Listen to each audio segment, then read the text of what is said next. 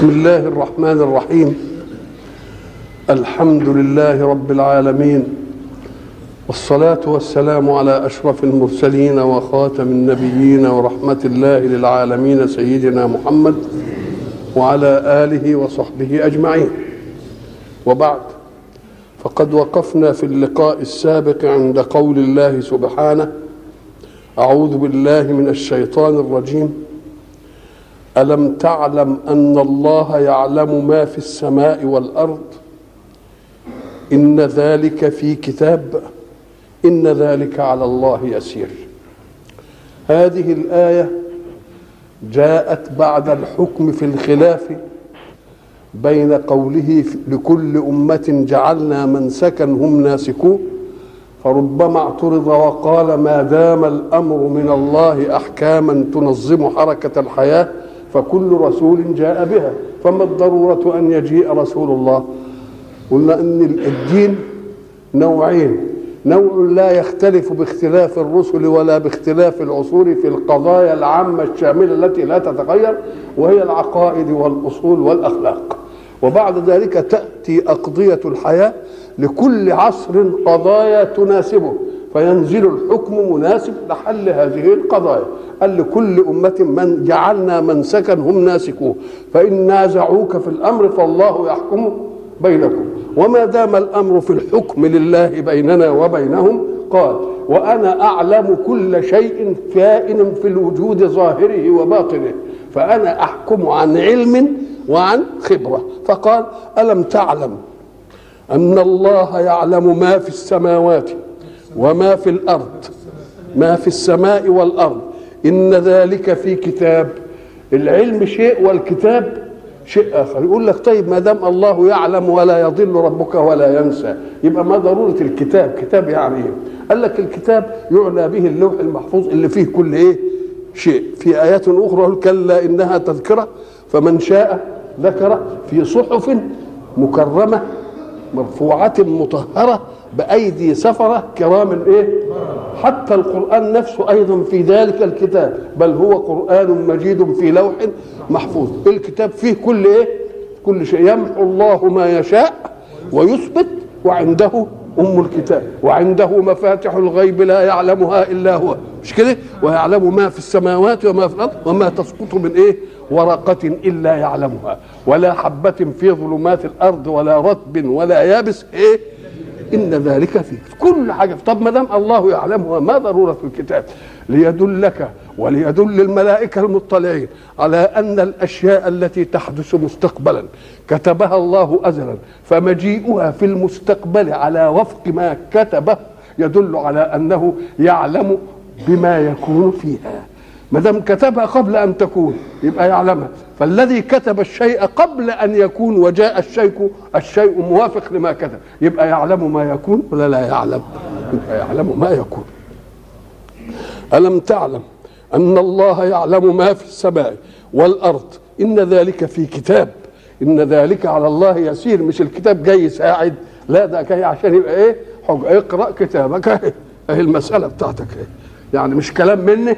لا كلام حج عليك الكتاب مكتوب والكتاب هيجي من هنا كمان. نعم. هنا بقى الآية تعطينا شيئين وعد ووعيد. ومن عجائب القرآن انه يعطي النص الواحد فيدي الأمرين. إزاي؟ هب أنك أنت عندك ولدين ولد اعتدى على الثاني وعملوا هيصة وأنت في الخارج البيت. وبعد ذلك جيت فجوم قدامك عشان يشتكوا. تقول لهم هس ولا حد منكم يتكلم كلمه أنا عندي علم باللي حصل كله وسأرتب جزاء على وفق ما أعلم. الواد اللي عمل حاجة يجرى له إيه؟ لونه أصفر بقى. واللي له الحق ينبسط ولا لأ؟ يبقى اذا هذا قوله أن الله يعلم. يبقى المحق يجب يصر. يبقى وعيد للمحق وعد للمحق. واللي عمل حاجة يبقى يزعل ولا ما يزعلش؟ يبقى ده وعيد. يبقى الآية جابت وعد ووعيد. ووعيد معا ما شاء الله. ما شاء الله يا مولانا. ويعبدون من دون الله ما لم ينزل به سلطانا كأن العبادة وهي طاعة أمر واجتناب نهي يجب أن تكون صادرة من أعلى منا جميعا. فما فيش واحد منا يدي للتاني اللي زيه حاجة ويقول له أطعني في هذه وما تعمل اعمل دي ولا تعملش دي. لأن الأمر المساوي ما فيش فيه مرجح. يقول لك اشمعنى أنت تأمرنا وأنا اللي أعمل؟ لكن لما الأمر يجي من أعلى لما يجي واحد برضه اثنين ولدين يقولوا نعمل كذا وكذا يقول أبوك قال. مش أنا اللي بقول. آه من أعلى مني ومنك. يبقى ما دام الأمر من أعلى مني ومنك يبقى لا تصنعوا امرا ولا تمتنعوا عنه إلا إذا كان في حجة قدامك. أنت قلت عملت دي ليه؟ والله أبويا قال لي. انت عملت دي ليه ربنا نزلها ما عملتش دي ربنا إيه؟ يبقى كله دليل على حكم الفعل أو الترك لازم يكون مصدره من مين؟ من الحق. سبحانه ليه؟ قال لأنه اعلى مني ومنك. اذا انصعت له فانا ما انصعتش لمساوي. انما انصعت لمين؟ لله. وأنا وانت عبيد له فلا فلا ضرر على احد في ان نتبع قول الحق ولذلك قلنا زمان برضه يقولوا في الفلاحين اللي الشرع يقطع صباعه ما يخرج دم. مش انت اللي قطعته. إنما ربنا هو اللي قطع.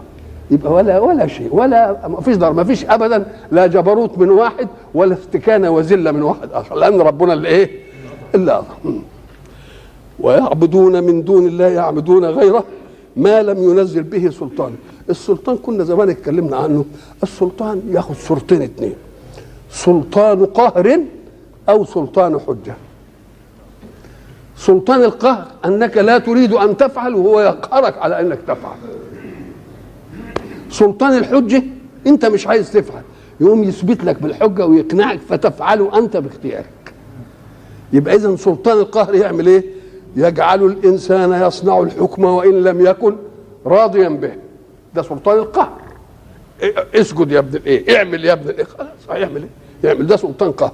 سلطان الحجة يقنعك بالعمل وانت تعمله وانت إيه؟ وانت قال لا أنتم ما فيش عندكم سلطان. لا من قهر أنا ما بقهرش حد. ولا من إيه؟ ولا من حجة. الذي ينزل الله به حكما بيقنعني أهلا وسهلا بعمله. أنا نزلت حكم فيه؟ لا ما نزلتش. ويعبدون من دون الله ما ما لم ينزل به سلطانا. إحنا قلنا زمان في جدل إبليس مع الذين اتبعوه في يوم القيامة يقول إيه؟ وما كان لي عليكم من سلطان إلا أن دعوتكم فاستجبتم لي. إنتوا كنتوا على تشويري. إنما أنا لا عندي قوة أقهركم على المعصية ولا عندي حجة أقنعكم بها.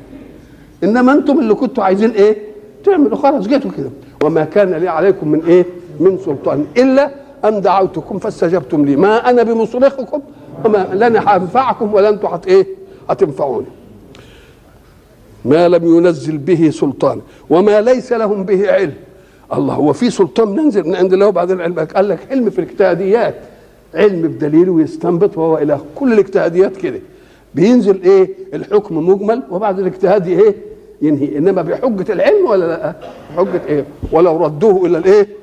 ولا رسول لعلمه الذين يستنبطونه منهم يروح أهل العلم يبقى اذا العبادة لابد أن تكون بسلطان من الله نصا قاطعا صريحا لا يحتمل الجدل وإما أن يكون باجتهاد أولي الإيه؟ أولي العلم. وما للظالمين من نصير. كلمة وما للظالمين من نصير ما قالش وما ما فيش نصر للظالمين ما ينتصروش لا ده ما ينتصروش دي يعني مسلمة إنما حتى ما حدش يفزع عليهم عشان ينصرهم. ولا يفزع أحد ينصر أحد إلا إذا كان المنصور ضعيفا. وإذا تتلى عليهم آياتنا بينات يجي القرآن الرسول يقراها أو الصحابة أو اللي سمعوها يقروا القرآن. يقولوا إيه؟ تعرف في وجوه الذين كفروا المنكر. الشيء المنكر هو اللي تنكره وتكرهه.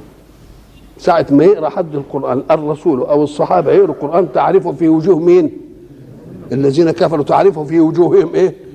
الكراهية. تعرفها إزاي؟ قال لك يوجد فيها عبوس. هذا العبوس تقرأ فيه أنهم يريدون أن يفتكوا بك. يعني يبقى إيه؟ يبقى شكله وانفعاله انفعال غضبي وغضبي عايز يعمل نزوع عشان يفتك بيك. تبقى المنكر هو إيه؟ المنكر الشيء الإيه؟ الكريه اللي نكرهه.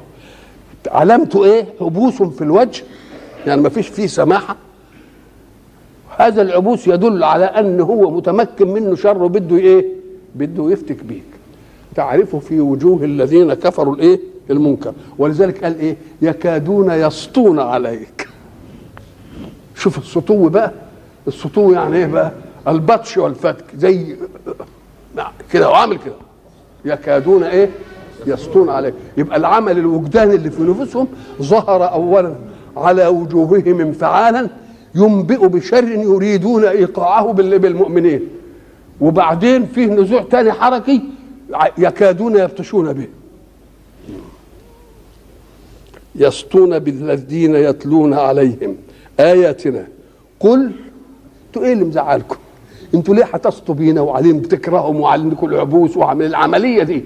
عملية وجدانية وعملية انفعالية وعملية نزوعية. عشان إيه الحكاية دي؟ من غزين اللي الكتاب بينقري عليهم ولا ينغصوش إلا إذا كانت الحجة مش قادرين يغلبوها. بالك لو الحجة غلب يقدروا يغلبوها. كانوا يقولوها ببساطة كده وبتاع. إنما الغيظ إيه؟ إنهم مش قادرين. لا قادرين يؤمنوا ولا قادرين يردوا الايه؟ تبقى ده غيظ. قال الله أنتم منغصين من دلوقتي حالا ده الحاجة بسيطة دي قوي أمال لما هتشوفوا النار تعملوا إيه؟ آه. وإذا تتلى عليهم آياتنا بينات تعرف في وجوه الذين كفروا المنكر يكادون يسطون بالذين يتلون عليهم آياتنا. قل ردا عليهم. قل لهم إيه الحكاية بتاعتكم؟ أفأنبئكم بشر من ذلك؟ باكد من ذلك من الغيظ أهو، في شر منه أشر منه. أنتوا عايزين أقول لكم على حاجة شر من الغيظ اللي عندكم ده اللي أنتوا عايزين تسطوا من اجره علينا؟ النار. وعدها الله الذين كفروا وبئس المصير. يعني أكنه بيقول إيه أمال لما هتشوفوا النار وتيجوا تشوفوا مدخلها هتعملوا إيه فينا بقى؟ ده أنتوا شايفين حاجة إيه؟ بسيطة. الحجة. إنما العذاب لمن لم يكن بالحجة. أنت هتشوفوا تعملوا إيه؟ أنا عايز أقول لكم دي أقولها لكم. قل أفأنبئكم من شر بشر من ذلكم؟ إيه اللي شر؟ طب نبئهم كده. النار. شر من ذلك الإيه؟ النار. وعدها الله الذين كفروا وبئس المصير. زي ما قلنا زمان لما أبو بكر وقف الصناديد بتوع قريش على الباب وأذن للمستضعفين. ام ورمت انوفهم ورمت انوفهم يعني استكتروا الحكاية دي قوي عظموا بس أمس ابو ابو أبو بكر بيقول له يعني دول سادة قريش ومش عارف قال له لهم ورمت انوفهم ليه؟ امال ماذا يكون موقفهم يوم يدخل الله هؤلاء الجنة قبلهم؟ هيبقوا يعملوا إيه؟ أهي دي بس دي هناك ودي في الجنة ودي في النار. النار وعدها الله الذين كفروا كلمة وعدها الوعد دائما يكون بخير مش إيعاد أهي دي بقى إيه استهزاء بهم زي ما يقول زي ما تقول إيه فبشرهم. ساعة ما تيجي كلمة فبشرهم تقول ده جاي لهم فرج. تقول بعذاب أليم. فبشرهم يبقى إيه؟ استشراف نفس. بعذاب أليم. زي وان يستغيثوا يغاثوا ساعة ما تسمع يغاثوا أكيد في رحمة جاية بقى. يغاثوا بماء إيه؟ كالمهل يشوي الوجوه. وده بقول لك إيه؟ انبص... انقباض النفس بعد بوادر الانبساط أشد من العذاب نفسه. شر من ذلك إيه هو؟ النار. وعدها الله الذين كفروا وبئس الإيه؟ وبئس المصير. يا أيها الناس ضرب مثل فاستمعوا له. يعني افتحوا ودانكم كويس وتعقلوه جيد عشان المثل ده هينفعكم في حالكم مع رسول الله ومع المؤمنين. يا أيها الناس ضرب مثل ضرب الشيء إحنا قلنا الضرب إيقاع شيء على يضربون في الأرض مش كده؟ حطوا عليهم مش كده؟ وحين ضرب الشيء زي ما نقول ضربنا الدينار أصبحت عملة يعني ماشي هي حتة ذهب وبعدين ولا فضة ولا نيكل بمجرد ما نضربه ونعمله مثلا نقد يبقى خلاص إيه؟ فمثلا ضرب ما هو المثل اولا؟ ضرب مثل المثل هو تشبيه شيء بشيء. بس الشيء اللي بنشبه به عجيب وبديع يعلق في الذهن لأن أسلوبه جميل وموجز. فإذا كانت في هذه الأوصاف كلها شيء بنمثله بشيء والتمثيل إنما يكون لإلحاق شيء غير معلوم بشيء معلوم. تقول له هو فلان اللي أنا ما شفتوش ده فلان ده شكله إيه؟ يقول لك أنت شفت فلان؟ يقول لك آه عارف؟ أهو مثله. يبقى الت- ال- التمثيل إيه؟ الحاق إيه؟ شيء مجهول بشيء معلوم. هذا التمثيل. ولذلك كل التشبيهات كده. كل تشبيه معناه أنك شيء تريد أن تعلمه للمخاطب وهو لا يعلمه فتجيبوا له بشيء إيه؟ زي ما مثلهم كمثل الذي استوقد نار. مثله كمثل الكلب إن تحمل عليه يلس أو تتركه يلس يجيب لهم مثل يوضح إيه؟ يوضح. مثل الذي اتخذوا من دون كمثل العنكبوت إيه؟ اتخذت بيتا وإن اوهان البيوت إلى بيت الايه اذا الأمثال معناها إيه؟ إعلام بشيء معلوم ليصل العلم به إلى شيء مجهول. ادي أصل الإيه؟ المثل وأصل إيه التشبيه. لكن كلمة مثل استقلت بشيء من هذا النوع وهو أن يكون المثل بديعا في النسج يعني بليغ كده هو. وموجز بحيث تتناقل الألسن بسرعة. مش كلام كتير لا. كلمة ونص. تقوم تدلك على حكاية قديمة. إحنا مثلا نيجي لواحد بيمتحن واللي إيه يعني ما كانش بيذاكر طول السنة. وبعدين قال جاي عند سلم الامتحان وفي السوق في وفي الحوش وهو سامع الجرس قال عمال بيقرأ في الكتاب. بالله هيقرأ قد إيه يعني في الكتاب؟ يقوم واحد مذاكر كويس يقول له إيه؟ قبل الرماء تملأ الكنائن. إيه الرماء اللي بيصطاد بالقوس؟ معاه إيه بتاع اللي بتنتني كده وفيها السهم يحطه ويروح ضارب الصيد. قبل ما يروح يصطاد بيجيب الكنانة الجعبة ويحط فيها السهام ويوظف أموره كده ويتن رايح على الإيه؟ الصيد. يبقى ساعة ما يجي الصيد يشوفه يطلع الغي إنما وأنت شايف البتاع هتصطاد وتبتدي تملى الكنانة. إيه؟ تقوم تقول له الايه لواحد أهمل الاستعداد للشيء قبل أن يقع وبيعمل له أب ساعه إيه؟ وتقول له إيه؟ قبل الرماء تملأ الكنائن. أنت جاي لي دلوقتي تملى الإيه؟ الكنانة. طيب أدي واحدة إحنا عندنا برضه في ال في ال في الريف لما يكون واحد بيعمل صنعة عند واحد في صانع بيصنعها يقوم هو مش عايز يصنعها عند الواحد عشان ما يدفعش أجرة. يقوم يقعد يلخبط فيها ويعمل دي ويجيبها من هنا ويحطها هنا مش عايز يدفع أجرة. يقوم يقول له يا أخي ادي العيش لخبازين. أهو ده مثل برضه. ادي العيش لإيه؟ لخبازين ولو ياكلوا إيه؟ نصه. تلتفت تلاقي واحد ماسك قماش ومش عارف إيه وبتاع وحاجات دي وبعدين ماشي بجلابيه مقطعه تقول له النجار مخلع ولا نجار هنا ولا بتاع ده موضوع تاني خالص. يبقى المثل شيء قيل اولا في شيء ثم كان أسلوب جميل وموجز استعملته الناس في إيه؟ في أشياء بعده تشبيه الشيء ده بالإيه؟ بالشيء ده. مثلا تبعت واحد مرسال ليدي لك حاجة وبعدين يجي كده تقول له إيه الحكاية؟ يقول تقول لك أبدى المخض عن الزبد المخض إنهم كانوا يجيبوا القربة يحطوا فيها الإيه؟ اللبن. ويقعد بقى إيه؟ يجيبها تقوم الزبدة تطلع في جنبه واللبن. فيه لبن صايص مهما يعمل ما ما يجيبش زبده يقوم يقول لك المشوار نفع ابدى المخض عن الزبد. يعني جت جا- جاب نتيجة. لما تبعت واحد مثلا يقضي لك مثلا حاجة وبعد ذلك تقول له إيه؟ ما وراءك يا عصام. وهو راجل. تقول له ما وراءك مع إن ده خطاب لامرأة. قال لك لأن أصل المثل كان كده. أصل المثل إنه وقع لمن اول من ضرب ها كان مع مين؟ امرأة. الحارس آه، ملك كنده أراد أن يتزوج أم إياس فبعت خطبة من كنده وبعتها تشوف إيه؟ أم إياس زين الحلوة دي إيه شكلها؟ فلما راحت تشوفها أمها قالت لها دي فلانة جاية تشوف حالك اوعي تخبي عنها شيء وكلميها وإن عايزة تشمك خليها تشمك زي ناطقيها فيما استنطقتك به ومش عارف إيه. فلما دخلت عليها بقى وتشوفها جسمها وتشوف ما هي بتخطبها بقى قامت البنت راحت عاملة لها إيه؟ قالت لها ما تلم كده راحت قلع التوب كله. فالولية نصحى بليغة قالت إيه؟ ترك الخداع من كشف القناع. فصارت مسألة. كل واحد يجيب لك كده المسألة على بلاطة كده تقول ترك الخداع من كشف الإيه؟ من كشف القناع. لما رجعت أم اللي بعتها تخطب مستعجل بقى. قال لها ما وراءك يا عصام؟ يعني إيه الخبر؟ يبقى أنت دلوقتي إذا أرسلت أي واحد عشان يشوف لك خبر ويجي اوعى منه راجل تقول له ما وراءك قول له برضه إيه؟ لأن المثل قال كده ولازم يحافظ على مين؟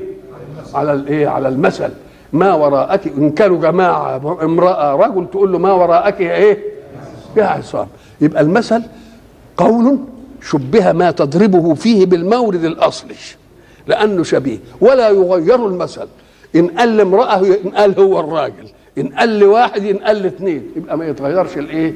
ما تتغيرش الأمثال. ربنا بيقول أنا هضرب لكم مثل.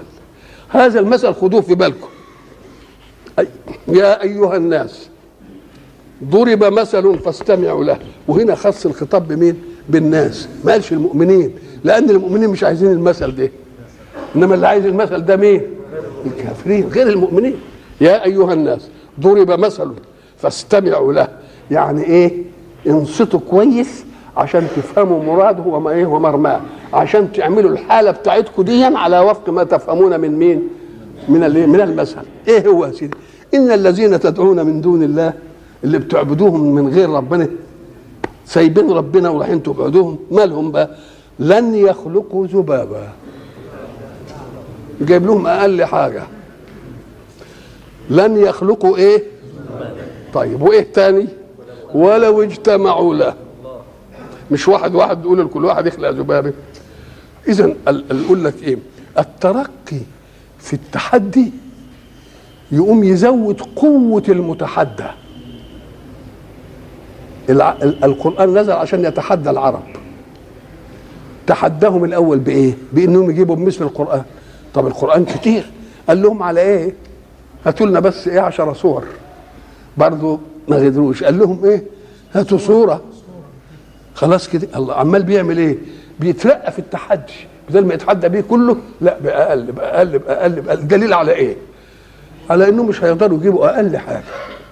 وبعدين قال لهم هو على إيه؟ ما تجمعوا كده الناس كلهم. مش واحد يجيبه زي ما بتقولوا محمد جابه. لا اجتمعوا يا بلغاء كلكم عشان تجيبوا زي. فأتوا مش واحد لا يجيبوا كلكم. وبلاش وعلى إيه؟ هاتوا الجن وياكم كمان. كل اين اجتمعت الإيه؟ الإنس والجن على أن يأتوا بمثل هذا. لا يأتون بمثله. يبقى اسمه ترقي في الإيه؟ ترقي في التحدي. فربنا بيقول إيه؟ لن يخلقوا ذبابة. ما قالش لم يخلقوا. يمكن هنقول له هم دلوقتي بيعملوا ذبابة بيوضبوا ذبابة وهيجيبوها. قال لك لن يخلقوا ذبابة. يعني نفي إيه تأبيدي وكمان مش واحد منهم اللي هيعمله ولو اجتمعوا له. وبلاش الخلق دي يمكن الخلق اللي يخلق ذبابة دي عملية صعبة شوية. ده حاجة أسهل من كده هي بنقول لهم إيه؟ وإن يسلبهم الذباب شيئا لا يستنقذوه. الله. الله. مش بلاش خلق دي صعب شوية عن ننزل شوية. هم كانوا بيعملوا إيه؟ يجيبوا عند الأصنام أكل قال يباركوه ويحطوه الأكل ويذبحوا عند الأصنام والذبح يطرطش كده على مش عارف إيه. ولذلك إيه؟ فراغ إلى هناك قصة إبراهيم؟ فراغ إلى أذن فقال ألا تأكلون؟ ما تأكلوا الأكل اللي قدامكم ده أنتوا للأصنام. يقول لهم ألا إيه؟ تأكلون؟ يبقى دليل على إن الأكل كان عندهم بيهزأ فيهم. الاكل محطوط ما تاكلون لقمه كده الله. طب ما دام الأكل هناك والدم بيروح إيه ويذبحوا على النصب يبقى بتيجي طرطيش أو أي حاجة يوم الذباب يجي ولا ما يجيش؟ يجي. طب الذباب لما جه تيجي يجي يقع على الذباب يقوم ياخد على رجله اللحيفه دي ياخد حاجة. ولا جناحه ولا الخرطوم بتاعه ياخد حاجة من اللي قدامهم دي. قال لك المسألة ده, ده لو الذباب جه على الحاجة اللي عندهم وخد منها حاجة لا يستطيعون رد هذه الحاجة من الذباب. يبقى خلق إيه وبتاع خير؟ ده الخلق دي مسألة صعبة قوي شوية. لا هنجيب لهم حاجة أسهل شوية. وإن يسلبهم الذباب ياخد منهم حاجة لا يستطيعون أن يستردوه من مين؟ من الذباب. طب برضه جربها كده. خلي الذباب يجي على حتة على شوية عسل ولا على بتاع وياخد له حاجة على قده كده. لا تدرك ولا يمكن توزن ولا يعرف مقدارها قد إيه. وامسكوا بقى كلكم الذبابة وخاتوا منها اللي خدته. طب طب دي تيجي إزاي؟ ما يجيش أبدا. وإن يسلبهم الذباب شيئا لا يستنقذوا منه. وبعد ذلك يقول ضعف الطالب والمطلوب. الاثنين ضعاف. الاثنين ضعاف. بس فيه ضعف يدعي القوة وفي ضعف قوته في أنه هو مقر بالضعف. الذباب برضه ضعيف. انما هو مخلوق لحاجة. إن الله لا يستحي؟ أن يضرب مثلا ما بعوضة فما إيه؟ فما فوقها ما- ما فوقها في إيه؟ آه في, في الصغر. لأن ما بع- إن هو بي- لا يستحي أن يضرب مثلا ما بعوضة الصغيرة دي. ما يقولش فما فوقها يعني عصفورة لا. فما فوقها في القله فما يزيد عنها في الإيه؟ في القله ما شاء الله يا مولانا. آه. الله. يا أيها الناس ضرب مثل فاستمعوا له. إن الذين تدعون من دون الله لن يخلقوا ذبابا.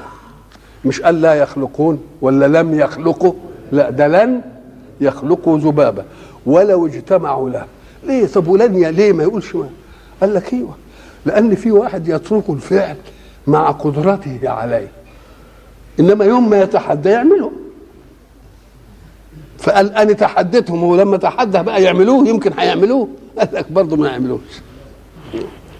ولو اجتمعوا له وإن يسلبهم الذباب شيئا لا يستنقذوه منه. ضعف الطالب والمطلوب. ما قدر الله حق قدره. اللي يعبد من دون الله اللي ما يقدرش يخلق ذباب ولا الذبابه خدت منه حاجة وبعدين يعبدوه يبقوا ناس دول مش عارفين قدر ربنا. ما قدر الله حق قدره. إحنا قلنا القدر معرفة مقدار الشيء.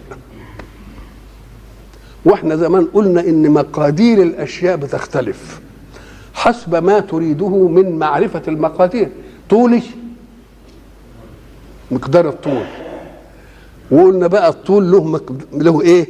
مقياس يقاس به مقدار الطول. بس المقياس بيختلف باختلاف المقيس. ما تجيش. تقيس الطريق بتاع من مصر لإسكندرية وتقول لي هو كم ملي. لا ولا كم سنتي ولا كم متر حتى. إنما تقول كم إيه؟ كم كيلو. وبعدين أنت رحت تجيب قماش. برضه ما تقولوش إديني كم ملي قماش. ولا ولا واحد على عشرين من الكيلو قماش. ما تقدرش تجيب متر. تجيب إيه؟ اعمل لي صورة خمسة في ستة. يعني كل مقياس له إيه؟ له معيار. وإلى لقاء آخر إن شاء الله.